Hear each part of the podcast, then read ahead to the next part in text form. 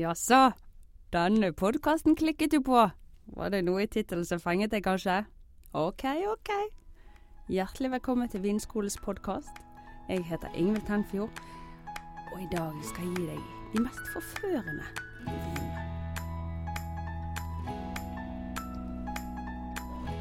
Nordmenn liker ikke å bruke mer enn 150 kroner på en flaske vin. Bortsett fra når det kommer til Amarone.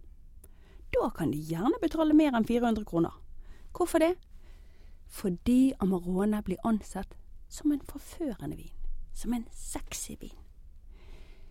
Når du liksom er klar for å høre litt eh, Barry White på anlegget, smyge inn i sofaen til din kone, da velger de fleste å åpne en Amarone.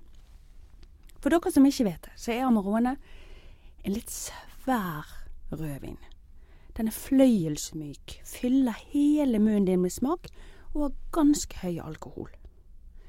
Den er laget av delvis tørkete druer, og det gjør at det på en måte det er ikke en druevin, det er mer en rosinvin med veldig kraftig smak. Problemet er bare at hvis du drikker en vin med 15% alkohol, og la oss nå si at du er rent hypotetisk sett kanskje er en litt sliten småbarnsmor, som ikke sover for mye i utgangspunktet, og du har én date med din mann. Det som skjer da, det er at etter ett glass Amarone, så begynner du å si Å, gud. Vent lite grann. Let me slip into something more comfortable.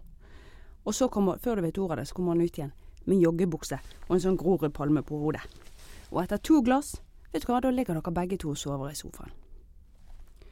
Hvis du skal forføre noen, så trenger du en klinevin.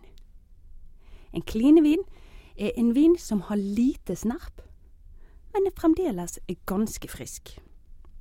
Og så er det viktig at den er lett i kroppen. For igjen, de fleste som ikke er 22, de klarer ikke å holde seg våken så veldig lenge. Så velg viner med litt sprits og energi. Min favoritt nå om dagen er en vin som heter Klein. Det står rett og slett Kline på etiketten. Den er laget på druen pinot noir, som er litt blek i skallet, litt tander, men likevel har mye smak.